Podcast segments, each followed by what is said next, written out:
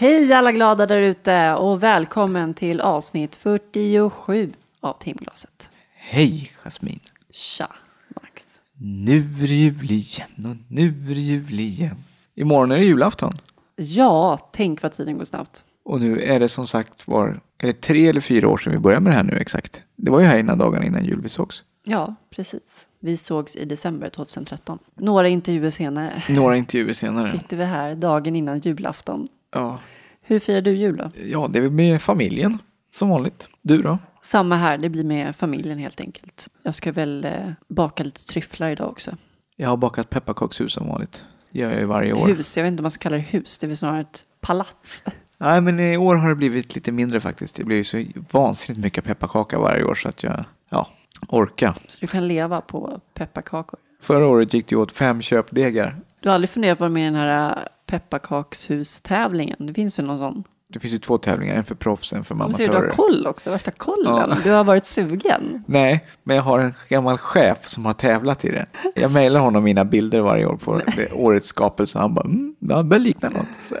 Okej. Vad gillar du decembermörkret? Alltså jag är ju en sån där konstig typ som tycker att det är jättemysigt. Jag håller med. Och det är ju för att jag tycker att alltså det som är mysigt det är ju att sitta inne med värmeljus och eh, Vetekuddar. vetekuddar och en varm kopp choklad eller något. Jag blir inte deprimerad av mörkret. Nej, inte jag heller. Däremot januari, februari, mars kan dra åt helvete. Fast då är man ändå sådär, då har man oftast någonting att se fram emot inför sommaren. Ja, för mig kan man söva ner mig i januari, februari, mars.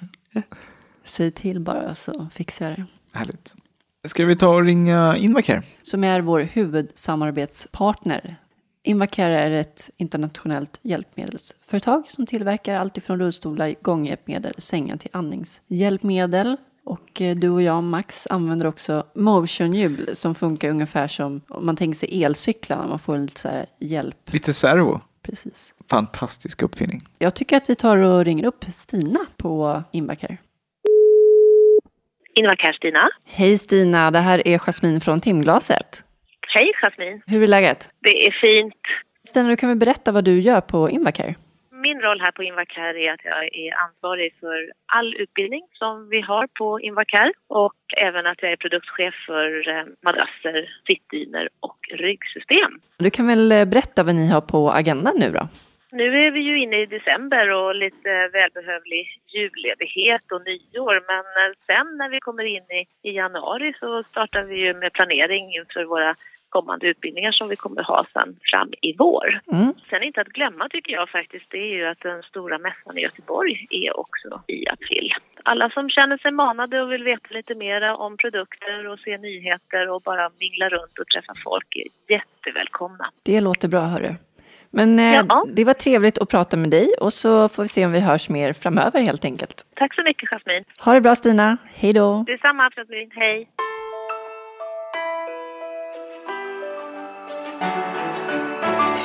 Idag får ni möta Stefan. När han var ett år så drabbades han av nervsjukdomen CMT, vilket innebär att hans muskler sakta har förtvinat upp tills att han var i 20-årsåldern. Han har ju spelat eh, rullstolsrugby i landslaget i en herrans massa år. Han var med och startade upp rullstolsrugbylaget Köping Hillbillies som det gjordes en dokumentär om 2010 i SVT. Ja, numera jobbar han också på en assistansfirma. Vi ska säga det också att den här säsongen är inspelad under sommaren. Så eh, Stefan kommer ju prata om hur fantastiskt fint väder det är när vi spelar in. Och så pratar vi även lite grann om Paralympics. Ja, och det har ju varit. Här kommer Stefan.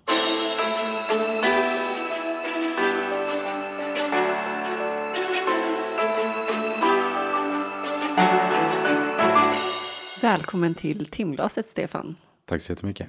Hur är läget med dig? Ja, det är faktiskt eh, helt fantastiskt. Jag tagit en liten ledig dag idag och jobbar mycket i veckan. Så att det känns bra. Vad Solen brukar du Så. göra på dina lediga dagar? Ja, vad brukar man göra? Jag passar väl på idag att tvätta till exempel. Det är Kul. kul, men det tar ju sin lilla tid så att det väl så man inte stressar med det. Var bor du någonstans? Enskededalen. Vart kommer du ifrån? Jag kommer från Köping från början och det måste ju nämnas. Ja, absolut. Metropolen. Du är född 84, Jag är född 85. 85. Så du är 31. Yes. Yes. Hur var din uppväxt? Jag hade en bra uppväxt tycker jag. Bodde ihop med eh, två föräldrar och eh, tre systrar i början. Jag har en bror också, man bodde inte hemma. Äldsta syrran flyttade hemifrån när jag var väldigt liten. Och näst äldsta flyttade väl några år senare. Jag själv eh, flyttade hemifrån när jag var 21, har jag för mig. Då flyttade jag 500 meter hemifrån så det var perfekt. Så man kunde fortfarande bränna hem och käka frukost, lunch, middag och, och sådär. Det är modigt att flytta Ja, fem men, hundra meter. exakt. Nej, men det kändes bra. Det var liksom, Amma. och det var som inte planerat sådär, utan plötsligt så kom en lägenhet till, till salu och mest jag och farsan bara, men fan, vi kollar på det där och åkte dit och så bara, men vi köper den, det blir bra. Så här. Och sen var det klart så här, och vi hade inte snackat så mycket om att jag skulle flytta hemifrån, men det, tydligen blev det så spontant och bra. Det låter ju jäkligt smidigt. Ja, verkligen, det gick bra. Var det hyresrätt då eller var det? Nej, det var en bostadsrätt. Jag har nästan bara haft bostadsrätter och det låter som att man har hur mycket pengar som helst. Men jag kan säga att en bostadsrätt i Köping vid den tiden kostar 75 000 för 55 kvadrat. Oj jäklar. På den tiden, det är tio år sedan. Ja, Det lät som att det var Okej. På den tiden. Ja, men de har ju stigit jättemycket i pris. Alltså säkert 300-400 procent. Så att det blir ändå den tiden. Så du får en 250 000 för den idag då kanske? Ja, det var skarpt av dig att räkna ut det så snabbt. Men eh, du fick tidigt nervsjukdomen CMT Ja, alldeles när du riktigt. var i ettårsåldern.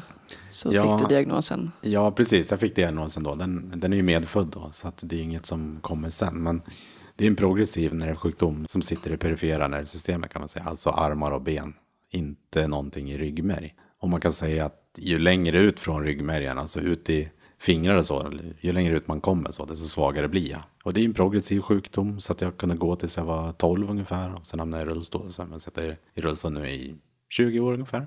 Men det måste ju ha varit jäkligt tufft att växa upp på det sättet med den sjukdomen. Att det liksom, dina muskler sakta förtvinar och, och du får försämrad funktion. Ja, jag vet inte om man tänkte på så mycket att den blev försämrad egentligen. Utan det var just det här att man inte orkar med så mycket. Men även när jag var tre år så gick jag ju inte som alla andra treåringar såklart och sprang och så. Utan det var ju jobbigt, så blev det jobbigare med åren. Alltså det jobbigaste tyckte jag var kanske att hänga med i de här sportsliga situationerna. Alltså på idrotten, i, i skolan till exempel. Och man har aldrig varit med och spelat fotboll till exempel i, i olika klubbar och på de delarna. Däremot med polarna på gatan och så har man ju lirat. Men man har aldrig kunnat tagit platsen i en vanlig idrottsförening. Och det har ju ändå varit ett starkt intresse för dig också, alltid med idrotten, eller? Ja, jag vet alltså jag har ju alltid tyckt det var kul att spela som innebandy med polare och, och fotboll och de grejerna. Men man har aldrig liksom funderat så mycket och tagit någon plats i någon förening. För att det, det kände man nog att det skulle man ju aldrig fixa. Jag menar, fick man en, en boll på benen så föll man ihop. Så att, eh, Ja, kan du beskriva din funktionsnedsättning? Jag har ju nästan ingen muskulatur i armarna överhuvudtaget. Jag har lite biceps och lite triceps. Ingenting i händer och fingrar överhuvudtaget och inte i handleder heller, utan de hänger där mest, händerna. Sen har jag ganska svag eh, rygg och egentligen ingenting i benen heller. Så att eh, jag varken går eller står idag.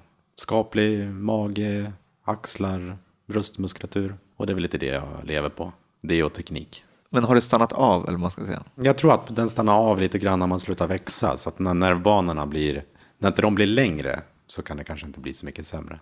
Nu om jag blir knackigare är väl för åldern sen då, men det blir väl alla. Hur förhöll sig um, omgivningen, tänker dina kompisar och sådär när du var liten till din funktionsnedsättning? Så. Jag har nog alltid tyckt att jag har haft eh, bra vänner som inte har gjort någon stor grej av det. Och sen har man väl hittat kanske de vänner som inte har gjort någon grej av det heller. Och det intresset inte alltid har varit det som är väldigt, väldigt fysiskt krävande heller kanske. Utan vi har varit iväg på disco när vi var yngre och vi var på konserter och För disco är ju inte fysiskt krävande. Det beror på vad man gör. Nej, men jo, det kan det väl vara i och för sig. Men jag behöver inte vinna över någon i alla fall. Eller vara- visa mig bättre liksom. Utan då är det mera kanske den sociala att haka på. Jag får inga poäng. Och inga poängavdrag heller. Hur gick det i skolan då? ja, skolan har fungerat bra. Jag har haft eh, elevassistent sedan jag började ettan. Som alltid har varit med och så. Vad är det? Jag hade en, eh, en äldre dam när jag började första klass. Hon hjälpte mig med att skriva och bära böcker och liksom var ett stöd i skolan helt enkelt för sådana lite mer fysiskt krävande grejer. Så till att man kunde följa med på lektionerna. Typ som en assistent helt enkelt. Ja, man kan säga att det är väl som en assistent, men som skolan anordnar. De är skyldiga att anordna det. Men äldre dam, det låter ju inte så Kul. Ja, alltså, ja. Äldre jag gick dam i ettan, jag 25 vet inte. 25-årsåldern, eller? Ja, exakt. Nej, men hon var nog i alla fall över 40, det tror jag då. Eller Okej. något mer. Men hon var jättebra. Hur kändes det då att att liksom ha den extra hjälpen? Jag kommer inte riktigt ihåg. Alltså, jag tror inte att jag har gjort någon sådär jättestor grej av det. här, Utan kanske mer att det har varit ganska skönt att ha haft lite stöd om man behöver hjälp. Och att man inte behöver vara beroende av alla i klassen eller så. Utan behöver jag en insats så, så fixade hon det och inte alla. Så jag tror inte att jag tyckte att det har varit jobbigt. Utan snarare tvärtom. Vad gick du för gymnasium? Jag läste samhäll, ekonomi och marknadsföring. Och sen, efter gymnasiet? Jag började läsa till eh, ett program som heter Välfärdsprogrammet. Då läser man ganska mycket sociologi på Mälardalens folkhögskola i Eskilstuna. Det gick väl sådär. Jag satsade på lite andra grejer istället. Jag fick några poäng i sociologi så att jag får väl stoltsera med de högskolepoängen. Sen jobbade jag lite grann på utvecklingscentrum i Eskilstuna. Kanske ett halvår, ett år tror jag var där. Och de jobbar ju med utveckling av eh, parasporten. De sitter tillsammans med Södermanlands parasportförbund. Jag vet inte riktigt om de driver det idag, men de gjorde det då i alla fall. Och det var ett lyckat projekt som jag har förstått i alla fall. Vad är parasporten för något? Parasport är ju alltså ett nytt namn för handikappidrott. Undrar var para kommer ifrån? Jag tänker ju på paraplegiker, men eh, Ja, då, jag tror att de använder para för parallell, alltså det är en idrott som går vid sidan av. Så att, eh, jag tror att det är så de har tänkt. okej. Jag tycker namnet är rätt schysst. Sen, Det blir lite konstigt eftersom du håller på med rugby och är- det är ingen för oss parasport. Det är ju tetra. Har du inte tetrasport? Ja, Ja. precis. Alltså, men, men grejen är ju att det finns väl ingen om man säger, som håller på med parasport eller handikappidrott som säger att man är en handikappidrottare. Utan antingen är man ju en, en simmare eller rugbyspelare, eller vad man nu än är. Man säger ju aldrig att man håller på med parasport. Vad är det då? 40 olika idrotter eller? Vi ska komma in lite senare på din rugby. Men jag är lite nyfiken på dina föräldrar. Hur förhöll de sig till din funktionsnedsättning? För man har ju förstått det som att många som är födda med liksom funktionsnedsättning, de blir curlade ganska mycket och hämmade i sin utveckling och bli självständiga och sådär. Hur förhöll sig dina föräldrar till dig? Så. Dels tror jag att jag har varit ganska tjurig själv av mig, alltså så att man, man ville fixa massa grejer. Sen har jag såklart haft en hel del hjälp hemma också. Jag vet när vi åker iväg på semester så har vi ju aldrig åkt iväg till ett direkt eh, anpassat hak, utan vi har, ska vi åka iväg på sommaren en vecka så vi har alltid bott i tält till exempel. Eller alltid, men många gånger. Vi har, vi har bott på bergiga och sandiga och gräsiga ställen, även om det är kanske svårframkomligt. Men jag tror egentligen inte vi har gjort så mycket special av att jag har en, en rörelsenedsättning. Vi har nog gjort det vi har velat som familj och sen har vi löst det på plats. Och man har ju lagt ribban ganska högt då, så att, eh, jag ser väl inte direkt några begränsningar idag heller. Utan man gör det man vill göra och det man inte har lust att göra det truntar man i. Så. Det låter vettigt. Ja, men det känns bra. Så jag, tror jag, alltså, jag vet inte om de har curlat mig eller inte, men det, jag tror nog att de har försökt uppfostra mig så de har uppfostrat oss allihopa. Då. Sen tror jag det beror på mycket hur man är själv också. Som du säger att du alltid har varit ganska tjurskallig av dig. Alltså det spelar nog ingen roll vem man är, om man har en funktionsnedsättning eller inte. Alltså, visar man fram fötterna och kan tala för sig så då kan man gå hur långt som helst. Jag tänkte vi skulle komma in på lite vad du gör idag. Du spelar i landslaget, det har du gjort i 16 år. Stämmer det? Ja, Landslaget i rugby då. I rugby, Ja, rullstolsrugby ska vi säga. jag började spela rullstolsrugby kring 2000 tror jag. Hur kom du i kontakt med sporten? Ja, i Köping då har det aldrig funnits så mycket idrott för oss som sitter i rullstol. Så att, eh, jag började med, med friidrott i Västerås. Och det var min eh, mamma som letade reda på det. Och jag fick färdtjänstresor dit en gång i veckan. Så jag började träna friidrott.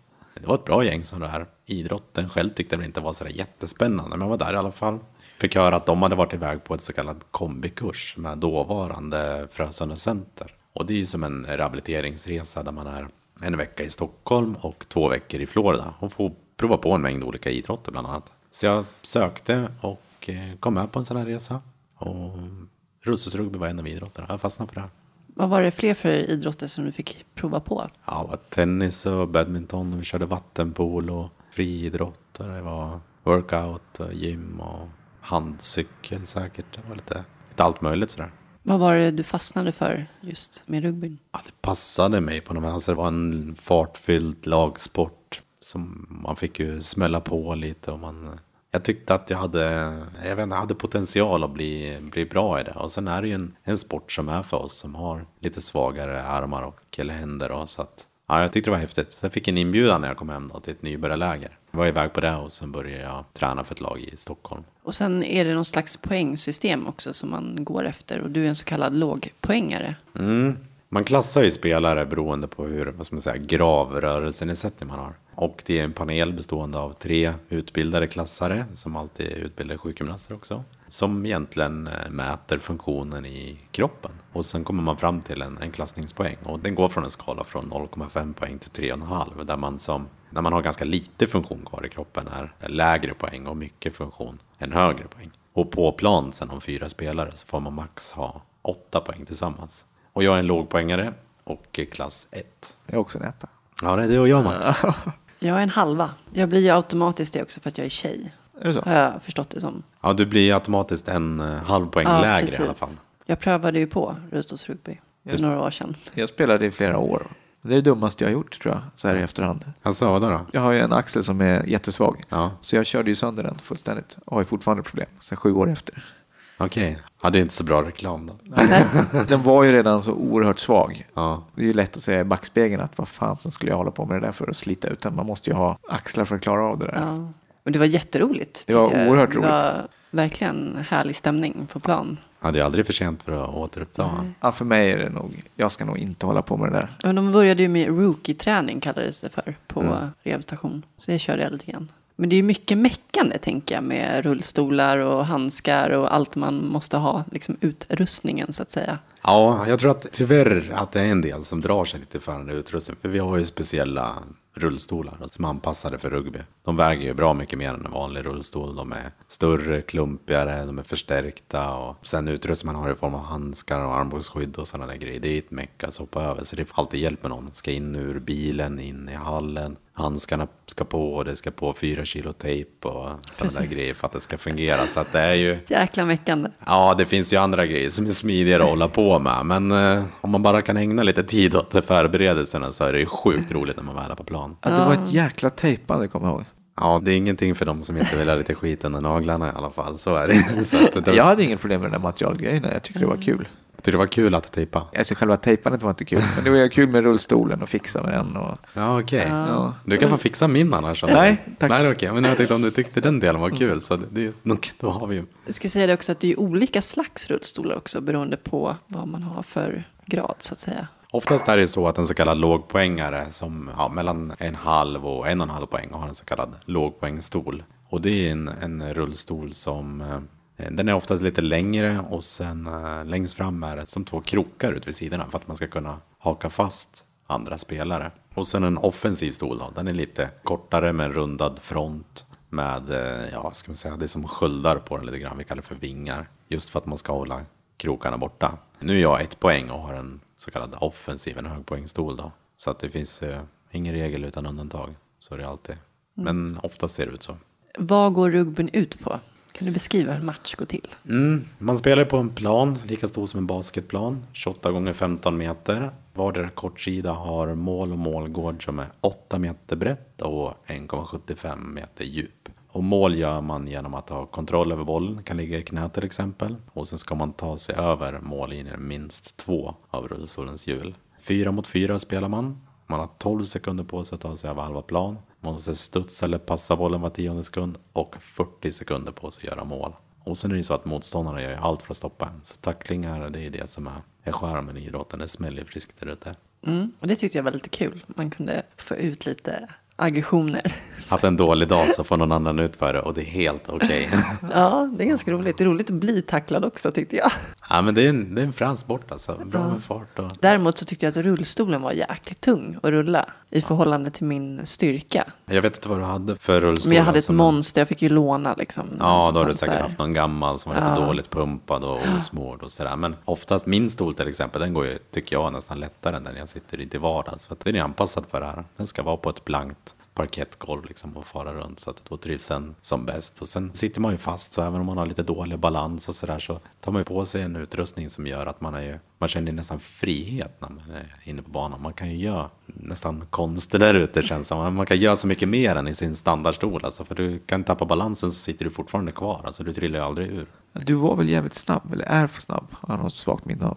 Han är ganska snabb i vändningar och hyfsat rakt fram också för, för min poäng. Man är ju strappad också, de flesta är det. Jag var det i alla fall. Mm. Jag Alltså har att man har som ett bälte runt midjan. Ja, men exakt. Jag har ju två snowboardbindningar som sitter dels över låren och sen över höfterna. Och sen har jag ju band som jag sätter fast knäna med så att man ska trycka ner sig ordentligt. Det ska Det bli som en köra järnet sen. Liksom. Sen är det bara in och dundra på. Var kommer sporten ifrån? Vet du det? Jag tror att sporten kommer från Kanada och det var väl på 70-talet man drog fram den. Så länge sedan. Ja, jag tror det. Jag var inte med själv då, men vad jag har läst mig till så ska det vara något sånt. Hur är det med tjejer då som utövar sporten? Finns det några? Ja, du sitter ju här. Nej, men vi har haft några nybörjarläger som jag är med och styr. Vi har tredje nu i oktober och eh, sist hade vi två eller tre, tre tjejer som var med och prova. Och två av dem kör väl i alla fall ibland fortfarande. Så att eh, det kommer nog lite mer och mer. Men största målgruppen är tetraplegiker som har brutit nacken då och, och fått någon typ av nedsättning i, i armar och händer. Och eh, det är ju killar mellan 18 och 25 tror jag som är största gruppen. Så att därav är väl det så att det är lite färre tjejer som håller på. Ja, det är ju betydligt färre tjejer som skadar sig, får nackskador. När jag skadade mig var det 10 procent, nu är det 20. Ja, precis. Och sen ska de vara intresserade då och hålla på med rugby. Ja, exakt. Det är ingen som säger att man tycker det är kul med sport bara för att man sitter i rullstol, även om man hoppas det. Jag tänker på det, det är mycket meckande som sagt med rullstolar och utrustning och allting. Det är ju mycket resurshjälp också där på, i samband med matcher och så, att ni får hjälp med att hoppa in ur stolar och Ja, sätta på allt. Och, Dels när man är vid hallen, alltså du ska ta ur stolen ur bilen, den ska in i hallen. för den är tung, hur mycket väger den in? Ja, Jag vet inte riktigt, jag tror han väger kring 12 kilo ungefär. Och det är ju ingenting jag lyfter ur själv direkt. Sen ska jag över i stolen, alla de här äh, strapparna ska dit, handskar ska på, det ska tejpas. Och, så det är en process som tar ganska lång tid ändå, förberedelserna för att kunna köra ordentligt på plan. Jag har läst till med att du har spelat över 185 matcher, kan det stämma? Ja. Med landslaget alltså. Och det är faktiskt över 200 idag. Är det sant? Yes, så det är, det är trevligt. Och du har varit med och tagit två brons, två silver och två guld. Har jag missat något? Nej, men det stämmer. I, Och eh, är regerande Europamästare. Nej, vi kom tvåa tyvärr i EM sist 2015. Tog silver mot engelsmännen, förlorade med en boll. Annars har jag två EM, brons, silver och, och guld. Då. Det var två varje. Vilket är det starkaste minnet du har? Starkaste minnet, det var nog första EM-guldet tror jag. Alltså när vi blev klara för Paralympics i London. Så 2011, jag tror att vi spelade i Belgien. Det måste vara det som är häftigast. Det är första gången som vi har kvalat och, och kommit med till ett Paralympics. Har du varit på Paralympics förut? Mm, London 2012. Men det var första. Det var första. Och hur var det, den upplevelsen? Ja, det var ju lite annorlunda att vara där. Alltså det var- jag bodde i en by med bara idrottsfolk. Samma by som Olympierna bor i. Vi spelar en hall som tar 10 000 åskådare och det var väl, tror jag, fullsatt någon av matcherna som vi var där och spelade. Annars brukar det vara kanske 10 åskådare. När man är hemma i Sverige så var det lite annorlunda. Ja, men det är häftigt. När man väl är på plan så tycker jag inte man märker av det heller. Utan man kör som man ska göra. Man följer taktiken och, och jobbar på. Så. Men det måste ju ändå kännas att det är 10 000 pers i hallen. Ja, alltså det känns ju att, att det betyder mera, men, men jag tror inte att jag märkte av det sådär, utan man har ju fokus på det man ska göra på plan i alla fall. Så att det är väl mer när man kommer in kanske och när man ska gå av att man märker av det, annars så kör man bara. Hur är det med sponsring och sådär? Jag tänker, kan man livnära sig på att hålla på med rullstolsrugby på din nivå? Jag har ju någon sponsor själv då, men Kanada får de ju betalt för att spela, för att spela rugby då, men det får de väl från staten, för just för att de spelar landslag. I Australien har jag hört att det är likadant och även i England. Vi i Sverige får, när vi är med i landslaget, så får vi ju våra om man säger resor uppehälle och sådär när vi är iväg i landslagssammanhang. Det får vi betalt och mat, så det kostar ingenting att vara iväg. Däremot får vi inget betalt. Privata sponsorer kan man ju ha som täcker upp, så att det skulle säkert gå att ordna så att man kan köra bara rugby. För det kostar ju ganska mycket med en stol till exempel. Ja, den senaste stolen nu som beställde gick på nästan 70 000. Så att det, 70 000. det, det är några spänn. Hjälp! Den betalas väl av på fyra år ungefär, det är dags att beställa en ny. Ja, det är rätt dyrt och det är inget jag hostar upp själv då, utan då får man ju söka kanske olika fonder, stipendier och hitta sponsorer som är med och betalar det där. Men varför kostar den 70 000? Den är liksom handsydd, varenda mått passar exakt det. Ja, alltså den, den är ju specialbeställd och byggd för mig. Det finns ju inget standard på den. Så att det är väl det som skjuter upp priset lite. Sen just varför den kostar så pass mycket som 70, det, jag vet inte riktigt. Det finns ju billigare modeller, men jag har fastnat för den här och tycker den är bra. Så att jag får rocka vidare med den helt enkelt. Sen 2006 så startade du rullstolsrugbylaget Köping Hillbillies. Mm. Är det så länge sedan? Ja, alltså det, alltså det går så fort allting. Jag tyckte Paralympics i London var förra månaden. Det är fyra år sedan. Det verkar helt... Ja, det är märkligt. Man vill inte, man vill inte tänka på det. Alltså, Ja, det var ju alldeles då jag spelade, kommer jag ihåg när det startade. Är det tio år sedan? Ja, det är tioårsjubileum. Vad hemskt. Hur gick tankarna kring det? Liksom? Var, varför kände du att du ville göra det? Ja, men först när jag började spela rugby då, för 16 år sedan, så då pendlade vi från Köping. Började en gång i veckan då till Stockholm för att spela med ett lag där. Och sen gick vi över till att köra två gånger i veckan. På den tiden, Max, så fanns det två lag i Stockholm. Så vi bytte lag, det var ju sådär inte jättepopulärt. Det var jag och en- kompis från Köping som vi åkte alltid ihop. Så vi bytte lag och spelade först två år med ett lag från Solna. Och så spelade vi två år med Nacka. Och sen bytte vi till Göteborg, och började spela med dem. Jag tror vi spelade kanske två år där också. Och sen var vi väl så less på att pendla. Så att vi tänkte vi drar igång ett eget lag. Så vi hade ett nybörjarläger, försökte leta på folk. Och hitta på så pass många så att vi kunde dra igång och börja spela matcher i alla fall. Och klassade dem och poängen fungerade. Så att eh, 2006 startade vi Köping Hillbillies. Och vi började träna. Jag hade träningar då en gång i veckan för det var ändå folk som fick pendla till Köping för att vara med. Bland annat eh, Micke Norrland fick åka från Stockholm och sen har vi Joakim Svedlund från Hedemora. Och sen var det Roger och Glenn som bor i Köping och Kungsör och jag själv bodde i Köping då också. Så vi var fem personer som började köra. Och ja, namnet Köping Hillbillies. Vi har alltid blivit kallade för bönder liksom vart vi än har varit. I, i storstäderna Stockholm och, och Göteborg. Så tänkte att det är synd att heta något annat så att det är klart att det blev Hillbillies.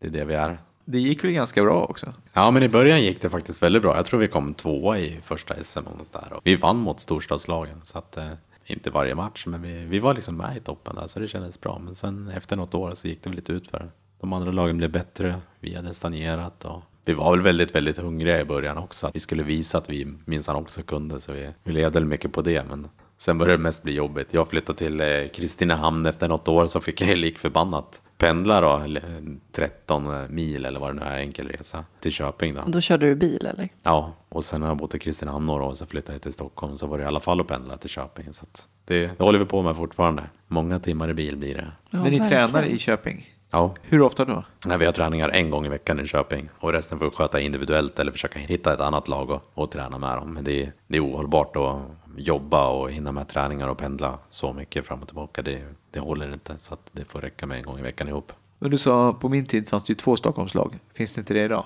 Det var ju så att när vi slutade i Nacka, jag och Roger, och gick till Göteborg så slog man ihop Norrbacka och Nacka. Så att alla spelare började i Nacka, för det var väl lite för litet underlag. Sen för något år sedan nu drog jag igång eh, Norrbacka igen då, med lite nybörjarträningar. För jag tycker att det är så pass många invånare i Stockholmsregionen så det skulle finnas plats för två lag. Och vi har väl eh, nio, tror jag, registrerade och inklassade spelare i Norrbacka idag. Så vi har varit med och, och spelat med Norrbacka i serien, även om det har varit som ett öppet lag då, bara för att man ska få matchningen. Och vi har ju träningar på onsdagar i Solnahallen. Så att eh, vi försöker bygga på med mycket nya spelare, ge nya spelare möjligheten och, och utvecklas i ett nytt lag. Och tanken är väl att det ska bli ett konkurrenskraftigt lag i framtiden. Hur gör ni för att rekrytera? Dels har vi nybörjarläger varje år. Sist hade vi Eskilstuna och det blir det i år också. Och eh, vi sätter en helg väldigt tidigt på det för att kunna locka nya potentiella spelare till ett läger där man får möjligheten att, och prova på en häftig sport i riktiga rugbystolar. Då. Och så får man en klassning så att man är med på en gång.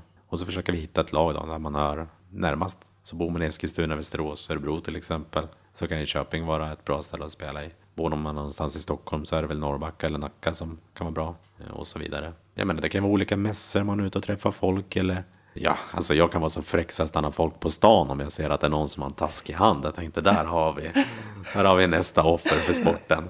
Arbetsskadad liksom. Ja, men lite grann och jag får väl be om ursäkt för det. Men jag tänker så här att ja, det är svårt att hitta spelare och rekrytera. Så man tar de chanserna man får. Har du fångat någon på stan som har börjat spela?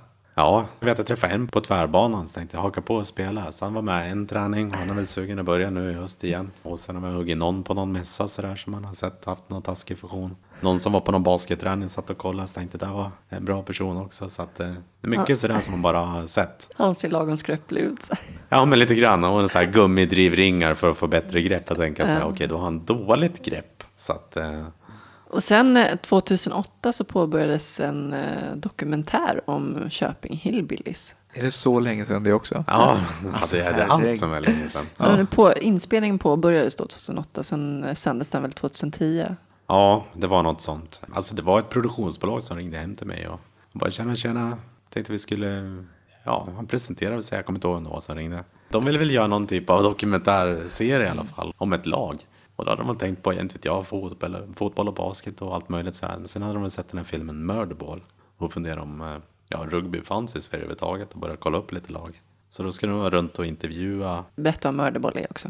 Ja, Murderball är ju rullstolsrugby. Det hette Murderball från början, men sen tyckte man väl att namnet Murderball säger väl egentligen ingenting om vad det är för sport. Så att man bytte till rugby istället. Och dokumentären var väl om det amerikanska laget, va? eller hur? Ja, precis. Kanada och, och USA och rivalen däremellan då. Och de lyfte väl fram några personer där också. Så att, eh, det var väl en dokumentär på en och en halv timme ungefär som handlade om, handlade om deras liv och, och sporten. Ja, absolut. Jättebra Väldigt bra film. Se den, Murderball. Och man var till oss då och intervjuade oss och kollade ifall vi är intresserade. Och man fastnade väl för vårat lag. Så att man gjorde ett pilotavsnitt på ja, knappt tio minuter tror jag. Och så köpte SVT det här. Så det blev en serie på åtta halvtimmesavsnitt som sändes våren 2010. Var det helt självklart att ställa upp? Ja, jag tror nog att det var helt självklart. Det var så, För alla. ja, jag tror det var ingen som sa nej i alla fall. Så att, eh, men jag tror säkert att eh, det har gått lite tankar kring, okej, vad är det för något och vad kommer hända? Och, för man vet ju inte, det är inte så ofta folk är med i tv-serier. Ja, men det var fränt. Det var en frän sommar också 2010. Det var många som vände sig om av andra anledningar att han satt i rullstol. Så var det ett häftigt, häftig känsla. Ja, det var ju coolt. Man var ju, Var det många som kom fram och pratade med dig eller? ja absolut. Det var ju hur mycket folk som helst. Man var ju kändis i två månader, sen dog det på hösten igen. Men finns den att se nu på SVT Play eller? Vet du det? Ja, jag kollar lite med dem. Jag tror att de läggs upp efter tio år eller något. Men ja, någonstans går det säkert att få tag på. Jag själv har DVD-erna hemma i någon låda. Det har väl varit någon repris, har det inte det? På tv? Jag vet faktiskt inte. Jag vet att det sändes både i Norge, Finland och Danmark också tror jag. Vad fick serien. för respons där, vet du det? Det var någon, norska som skrev någonting på Facebook sådär som hade man sett serien. Men det är ungefär det. Sen, jag vet inte, folk som har sett den överhuvudtaget sådär. Men Det handlade ju inte bara om rugby, utan det handlade ju om era liv också, eller hur? Ja, precis. Det handlar ju om oss fem spelare i Hirköping Hillbillies. Som om våra liv och sporten och som knyter oss ihop. Så man gick ganska djupt in på varför vi sitter i stol och hur vi lever våra liv. Och... Alltså det är ju ingen sån här snyftserie, det vill vi inte ha heller. Utan vi vill ha att det funkar att leva ett liv i, i stol med. Det är ändå utelämnande, Ja, för det var väl ganska personligt. Ja, det är lite sådär, man står i valet och kval ibland om man ska lämna ut sig själv eller inte. Men det är så pass mycket folk som är nyfikna och många som har, kan jag tycka, kanske fel uppfattning om folk som sitter i stol. Så då kan jag hellre berätta min sanning och kanske få andra att lyfta på ögonbrynen. Alltså det är inget kul att sitta i rullstol, det är ju helt värdelöst att ha Jag tycker det är ganska kul faktiskt. Ja, men det, då Särskilt, får du stå för eh, det. ja. Men nu är det Särskilt igår när du fick skyfall över dig. Ja. Fy fasen, fastnade i regn, regnet. Och ingen paraply. Ingen paraply, men helt, alltså ner till kalsongerna och var liksom dyngsurt. Då var det jättekul att sitta i Ja, rullstol. det är fantastiskt. Det är väl ingen som önskar att sitta i stol, tänker jag. Men nu är det så, liksom. Och då tänker jag att det blir bättre om man gör något kul av det. Hur hanterar du folk på stan som ska ställa frågor? Jag brukar vara schysst och, ställa upp och svara på det mesta. Det beror liksom på hur ingående det är och, och vad jag tycker är relevant att, att svara på. Då får man ju begränsa sig. Liksom. Vissa saker är ju liksom privata. Det skulle vara privat även om man inte satt i stol. Men vissa är nöjda med att, få något svar. Att man, man har, för mig spelar det ingen roll om de vet om att jag har en nervsjukdom och, och sådär. Men det, de bara, ah, okej, fine, nice, ha det bra. Okej, det är, ja, alla är olika liksom. Jag säger ingenting om det. Sen det, ibland vill man inte svara och då gör man inte det. Så att, Jag tänkte på det, nu ska jag hoppa tillbaka till din barndom igen, men jag tror att du kanske sa det, men när var du tvungen att börja använda rullstol? Jag vet att jag fick en permobil när jag gick i tvåan. Och det var, jag har ingen permo längre. Jag tyckte det var grymt att ha en sån då. För då kunde man haka på alla mina polare i samma hastighet. De tyckte det var fränt att ha den där. Och vi åkte typ pulka bakom den. Och särskilt liksom på vintern kunde man ta sig fram nästan snabbare än alla andra. Man skulle till pulkabackar och så. Så det var ju ett helt grymt hjälpmedel. Och då kunde jag fortfarande gå lite grann när jag gick i tvåan. Men sen var jag nog tvungen att börja använda rullstol helt och hållet när jag gick i ja, femman, sexan någon gång. Så då åkte jag permobil till skolan, hoppade över i rullstolen som jag hade där. Och sen gav jag tillbaka den här permobilen när jag skulle börja nian igen. Så då körde jag bara rullstol. Men hur kändes det då att bli tvungen att bara behöva använda rullstol? Du som är så envis. Ja, precis. Nej, men det man... Den förändringen som jag har märkt, det vet, vi har alltid haft båt i familjen. Och då från sittbrunnen där bak, upp på taket vet jag flera somrar jag kunde klättra upp. Och så var det en sommar som det, benen funkar liksom inte längre. Det var jättekonstigt. Det var som att jag hade glömt bort hur man gjorde. Fast jag egentligen hade kanske borde blivit längre och starkare och det skulle vara ännu mindre problem. Så det gick inte att ta sig upp på taket. Så det är det liksom ett starkaste minnet jag har av att man har blivit sämre. Men annars har det varit, alltså det har varit jättejobbigt att gå mot slutet. Man fick ta pauser och sätta sig och vila. Och när jag väl satte mig i rullstol då kunde man ju ta sig fram nästan lika fort som alla andra. Så att, jag tyckte nog att det var kanske ganska skönt egentligen. Men du har ingen sån minne av när det första gången inte gick att gå? Nej, jag har liksom inte, inget sånt. Utan det var Det har varit några- så successivt. Liksom. Ja, precis. Att man har använt rullstol mer och mer. Och sen, det är den grejen på båten som jag... Det är egentligen bara det som jag minns. Att här, just då funkar inte det längre. Men sen vet jag att jag kunde gå när jag gick i fyran och femman. Men inte åtta, nian. Så någonstans däremellan blev man fast med stolen. Det är ganska jobbig ålder ändå att behöva gå igenom det kan jag tänka mig. Ja, alltså jag tycker Tonåren. tonåren. är ju sådär. Alltså det, man har ju både bra och dåliga minnen av det. Som alla andra. Jag tyckte det var ganska jobbigt med den här att man ska sitta i stol och försöka vara konkurrenskraftig med alla brudar. Liksom. Så hur, hur fixar vi det? Alla coola killar spelar någon eller var sportiga eller sådär duktiga. Men själv satt man i stol så det var inte så fräckt. Vad gjorde du då för att väga upp det? Ja, vad gjorde man? Det vet jag, man var väl en, en schysst, kul kille kanske ändå. Liksom, så att man, någonstans blev det som ändå att det spelade inte så stor roll om man satt i stol eller inte. Utan det är ändå, är man framåt så det kvittar alltså. Men det var inte så lätt att fatta då. Det är lättare att fatta nu. Men då gjorde man inte det. Men då fick man ju gå väl- igenom det. Det är väl egentligen för alla mer eller mindre tror jag. Ja, jag tror det. Så det är nog inte så stor skillnad. Nej. Men, men det är klart, man, alltså, man har varit jätteledsen och jätteförbannad över att man ska behöva sitta i rullstol. Och något som har varit extra förbannad över, det tycker jag att man har fått en, en sån rörelsenedsättning som man hamnar i stol och svaga händer. Man kunde inte välja något av det, utan det skulle vara liksom allt. Så att ja, det kändes så jävla tröstlöst alltså. Ja, De där händerna hade man ju gärna haft alltså.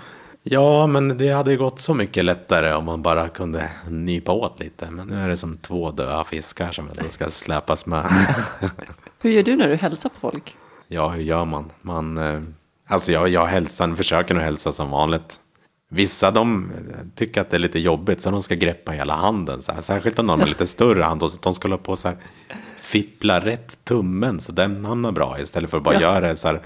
Försöka. tag bara. Ja men ta ett tag och sen kan vi bara göra klart det här. Det behöver inte vara så snyggt. Det kan ta så här 20 sekunder och hälsa. Ja, men kom igen vi gör det bara så är det klart. Då. Men eh, min bästa hälsning det är typ som att göra en så här. eh, Vad ska man säga? Som en låg high five. Och sen kör man baksida på handen. Den är perfekt. Den passar mig. För då bara man bara dra till handen så kommer den med fart. Och det blir så här Smacka alltid till. kanon. Men det är inte alla som vet om den. Så att Nu är jag det fler som vet. Ja, jag får lägga upp den så här. YouTube-klipp kanske. Så, Ja, så tips. att alla vet om hur man gör. En låg high five med baksidan. Ja, men den ligger liksom med. Den, så, hur ska man, jag vet inte hur jag ska förklara det. Jag förstår. Flärpa till det liksom. En backhand nästan. Ja, exakt. Ja, som ett backhandslag i pingis utan rack. Och sen gör den man hälsar på likadant. Så blir det, jag vet inte vad ovansida handen heter. Ovansida hand kanske. Ja. Ja, det blir ovansida hand mot ovansida Ja. hand helt enkelt. Jag fattar. Det är den bästa. Starkt rekommenderad den. Vi brukar ju köra den här amerikanska stilen, big up liksom. Ja, men ni har ju också lite handleder. Det har inte Ja, jag. just det. Jag träffar ju inte knogarna då liksom. Så att det är därför den andra har blivit perfekt för mig. Jag har sagt det förut, säger det igen. Det är bättre typ i Spanien när man ger varandra kindpussar. Det är jättetrevligt. Det är ju kanon. Eller hur? Det blir så mycket enklare. Jag menar, det är ju naturligt liksom att man gör det. Så att Ja. det är ju inga konstigheter. Då behöver man inte tänka på det där med händerna och hur man ska hälsa hit och dit. Jag har inte vågat på mig det, för jag vet inte vilken sida man ska börja på. Det är sen man börjar. Man ska träffa nya chefen direkt. Så. Det är jättefel. Ja, precis. Så att, eh, ja, vi får köra vidare med handskaken ett tag till.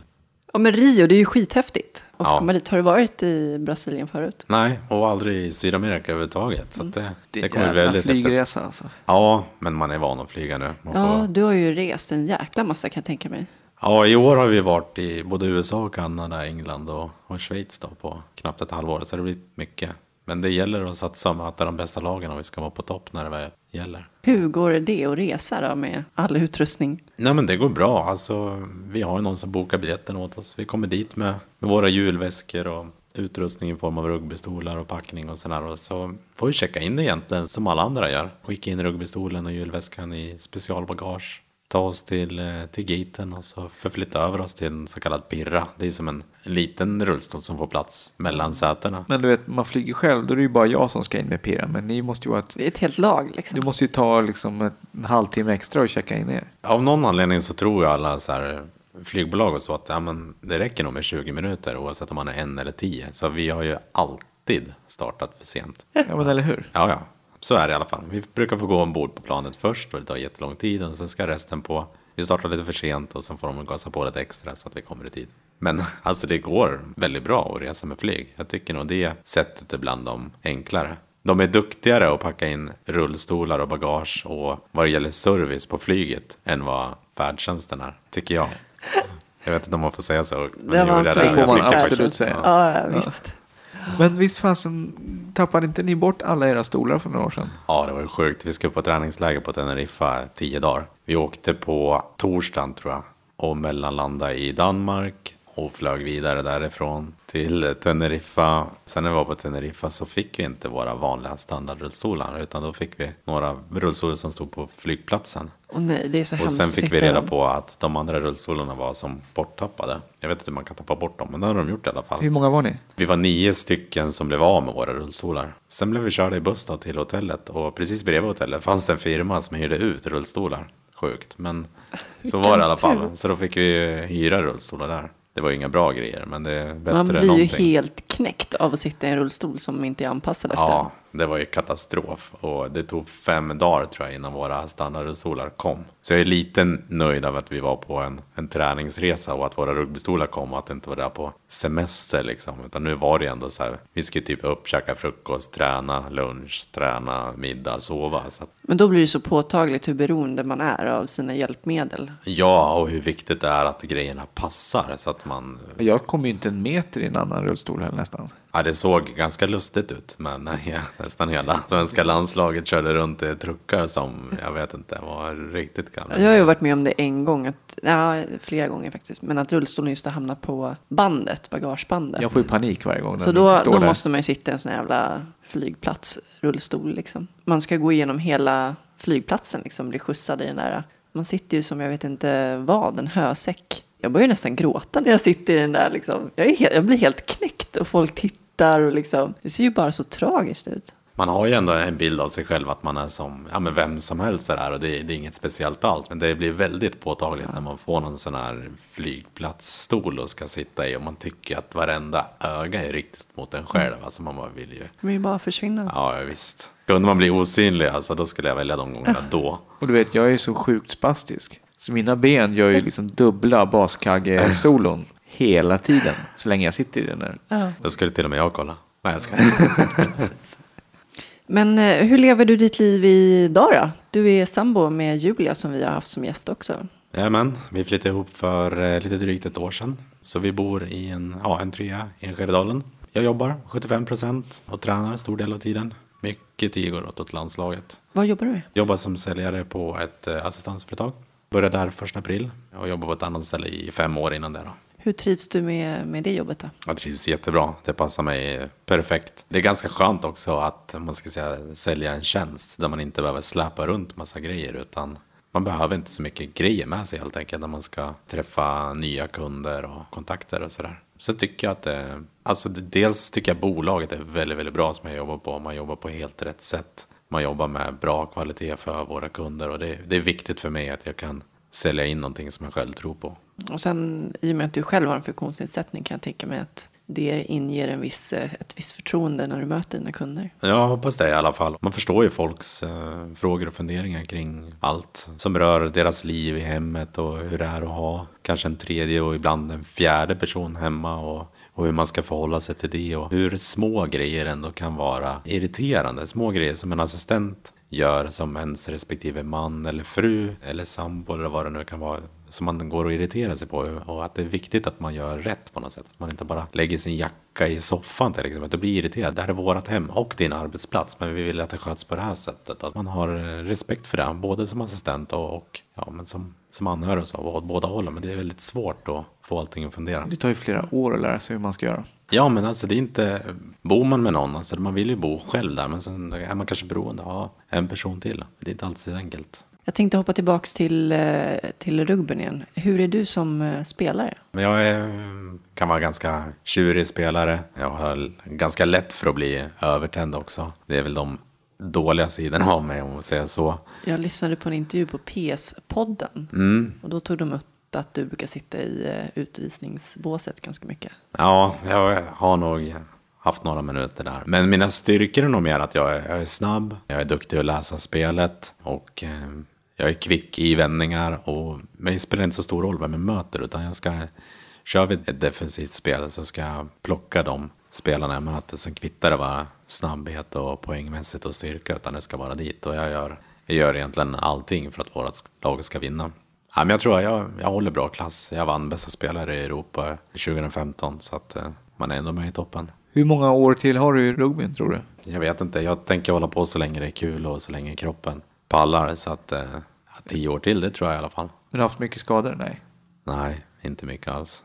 Du måste ju ändå slita en hel del. Ja, Eller? men det sliter nog en del, men jag tror att det ger mig mer också i träningen och sådär. Så att jag kommer köra på. Jag tycker det är så pass roligt och ger mig väldigt, väldigt mycket. Så att jag har inga planer på att lägga av.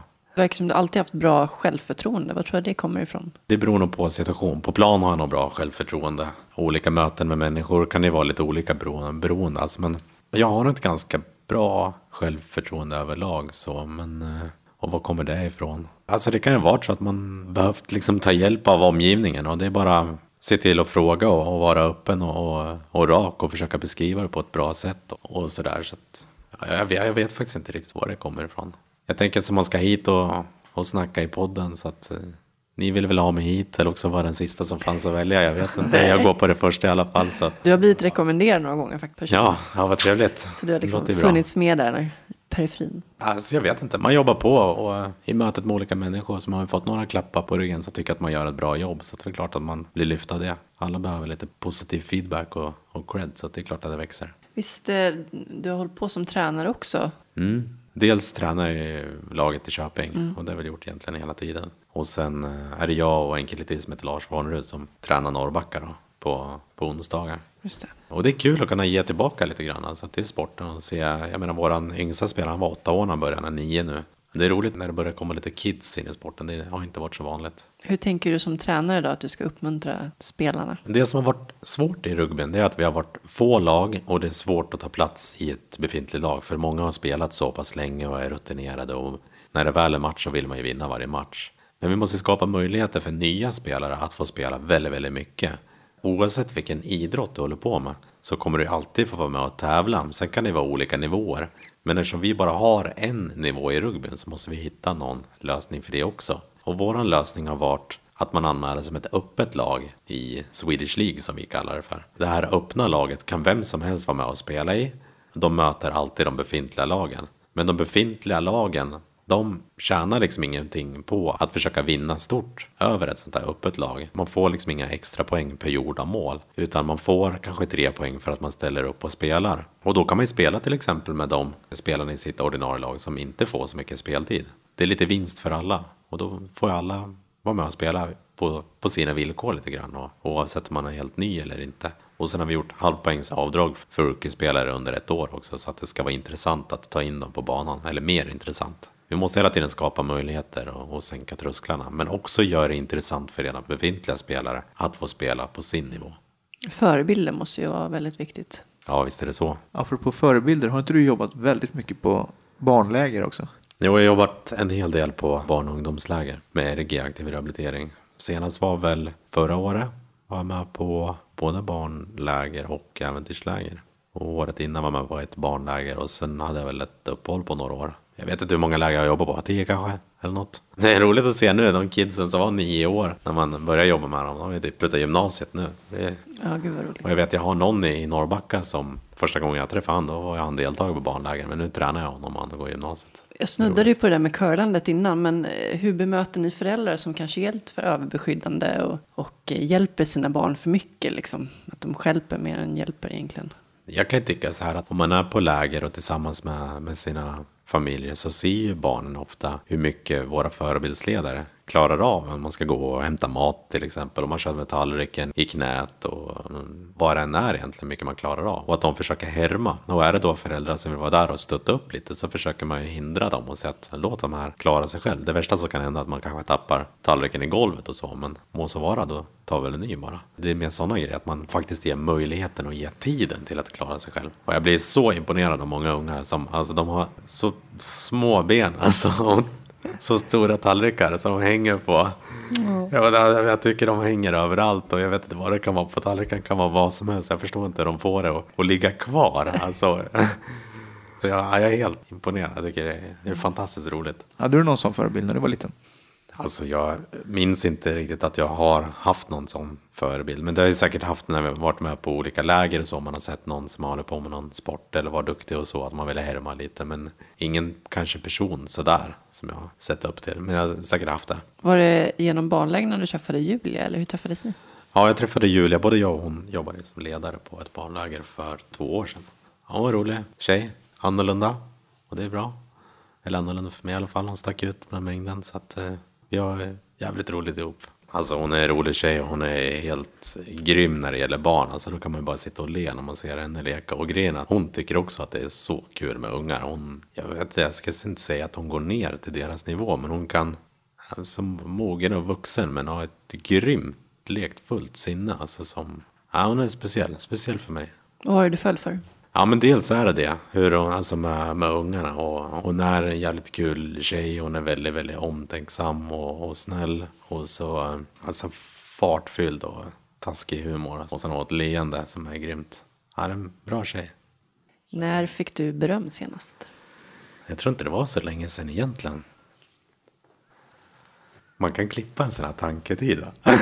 Absolut. Ja, men jag har ju varit med på eh, lite affischer i tunnelbanan för sporten till exempel. Just det. Och de, eh, Det hörde jag talas om. Ja, så jag var med med rugbystolen där. Då. Det var ju en, en kampanj då för parasporten nu inför Paralympics. Så de har ju fått beröm för de bilderna bland annat. Och det var nog inte så länge sedan.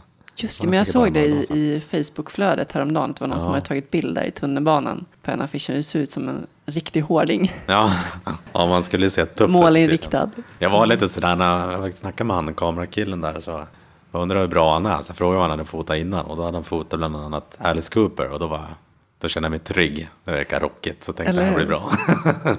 Vad gör dig lycklig och vad betyder lycka för dig? Alltså lycka kan vara en, en skön middag tillsammans med min flickvän eller min familj. Eller man gör någon grym insats på, på plan, alltså får vinna den här, de här matcherna som verkligen betyder någonting. Eller man får kanske beröm av eh, mina deltagare på rugbyträningen så för att man gör ett, ett bra jobb och man ser att de har roligt. Det är det absolut viktigaste. Sådana grejer, det är, det är lycka. Vad betyder frihet för dig? Frihet för mig, det är nog eh, att skapa ett så stort oberoende som möjligt och, och känna att man har tid och möjlighet att utföra alla grejer som man vill göra, alla roliga saker. Alltså det kan vara allt från ut och resa, eh, både med eh, familj eller närmaste vänner eller ut och eh, resa med rugbyn eller bara vara hemma och njuta av en kopp kaffe. Typ. Alltså det, det tycker jag, när man inte ser och känner av hinder liksom. Det tycker jag är frihet. Vad gör dig arg? Om man känner sig orättvis behandlad tycker jag, då kan jag bli förbannad. Det kan yttra sig på olika sätt. På plan kan det till exempel vara så löjligt som domslut som jag tycker är helt fel. Alltså det här var orättvist, jag borde inte bli behandlad så här. Så då kan jag bli lack ur så får man försöka knipa igen då. Alla måste bli behandlade lika och få samma möjligheter till livet. Annars kan nog bli sur faktiskt. Har du blivit diskriminerad? Ja, det har man ju säkert blivit någon gång alltså. Jag vet att jag skulle åka någon spårvagn i Göteborg och då fick jag inte åka med för det var ju trappor upp. Även om polarna hade lyft upp mig så skulle jag av spårvagnen till varje pris. För att det var ju farligt att åka spårvagn med rullstol tydligen. Jag vägrade då och sa att du får betala en taxiresa till mig in till stan annars. Och då sa han okej du får åka med men på ditt eget ansvar.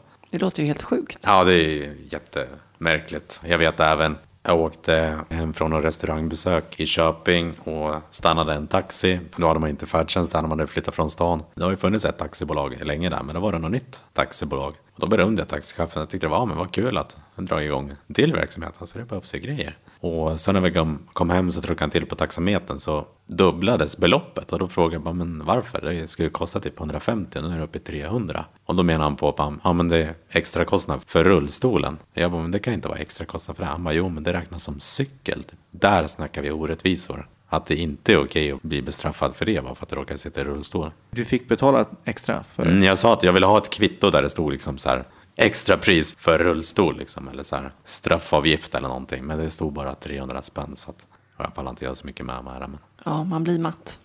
Sådana grejer stöter man ju på. Ja, man gör det alltså lite då och då. men Man kommer inte ihåg alla grejer heller. och Man försöker inte lägga så mycket krut på det. Men det är de här gångerna som sticker ut väldigt mycket som jag känner att Men jag tycker det sker färre och färre sånt. Alltså oftast är ju allting rätt bra. Alltså, men jag, det är sådana grejer som man blir trött på. När man ska åka tunnelbana och varenda hiss är paj. Jag tänkte bara, men hur ska jag göra då? Om man är visad hit och det inte fungerar. Och fungerar det så stinker det piss istället. Ja, man kan tycka att man kan sätta upp någon toalett kanske där nere. Så Jag skulle åka någonstans för några veckor sedan och du vet, börja i Skanstull och hissen avstängd och vandra hela bort till Medborgarplatsen, hissen avstängd. Och det är liksom, det går inte att ta tunnelbanan från Södermalm. Det är liksom helt sinnessjukt. det suger energi kan man säga. Onödig energi. Sådana grejer ska jag säga att jag blir arg om. Om du fick leva om ditt liv, skulle du göra någonting annorlunda då? Jag tror nog att jag skulle ha gjort eh, samma sak som jag har gjort egentligen genom hela livet. Jag kan inte säga att jag ångrar några sådana stora grejer. Jag har nog kört ungefär som jag vill göra och det har fungerat rätt bra. Hittills i alla fall. jag är nog nöjd. Jag får väl försöka stå för det jag gjort. Vad skulle du vilja säga till någon som inte har någon erfarenhet av personer med funktionsnedsättningar? Jag tycker, eh, alltså behandla folk som du skulle behandla vem som helst och du kan vara Fråga folk om de behöver hjälp liksom och det, det värsta du kan säga är väl att få ett nej kanske liksom. Ta aldrig för givet att folk vill ha hjälp heller. Vissa vill klara sig själva. Ja, jag vet inte. Gör inget annorlunda liksom mot någon annan tänker jag. Tack så mycket Stefan för att du delade med dig av ditt liv. Ja, tack själva.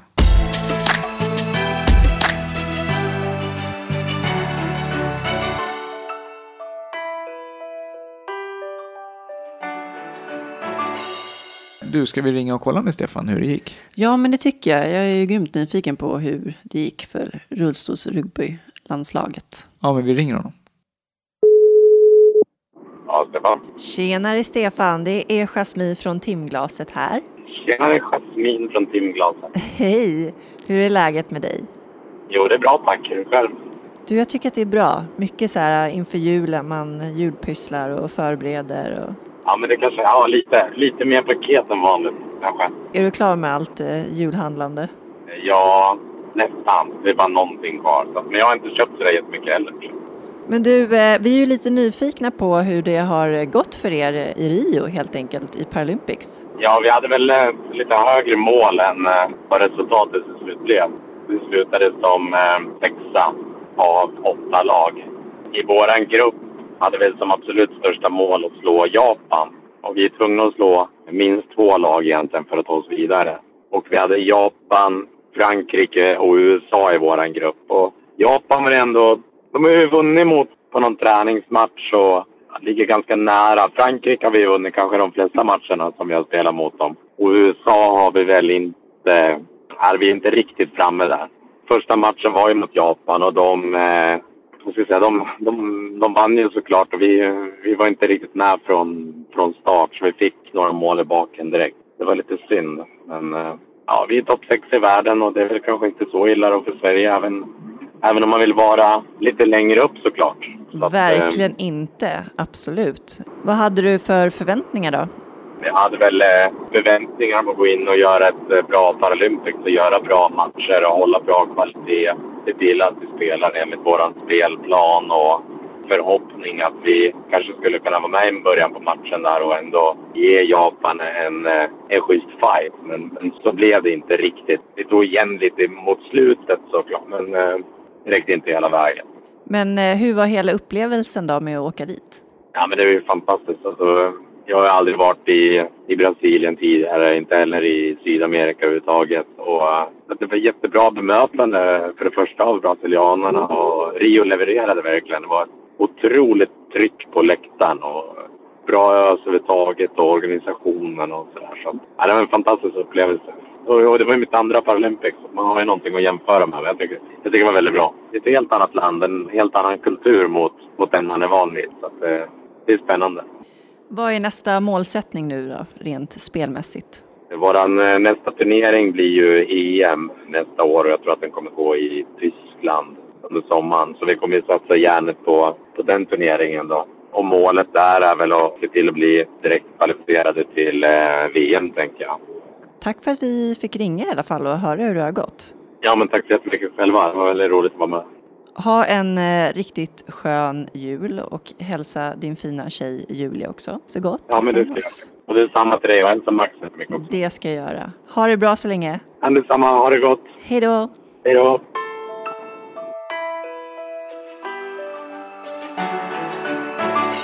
Tack Invacare. Tack så jättemycket för ett trevligt samarbete. God jul på er hela gänget. Ha en riktigt mysig jul alla ni på Invacare. Vi har ju en hemsida, Max. Ah. Vad är adressen dit? Timglasetpodd.se Och ni kan kontakta oss på kontakt.timglasetpodd.se Hashtag Timglasetpodd på sociala medier. Instagram, Twitter och Facebook. Följ oss där. I nästa avsnitt så får ni möta Katarina. När hon föddes så fick hon syrebrist På grund av en navelsträng. Som satt runt halsen. Och eh, det ledde till att hon fick cerebral paresskada, det vill säga CP-skada som man säger i, i dagligt tal.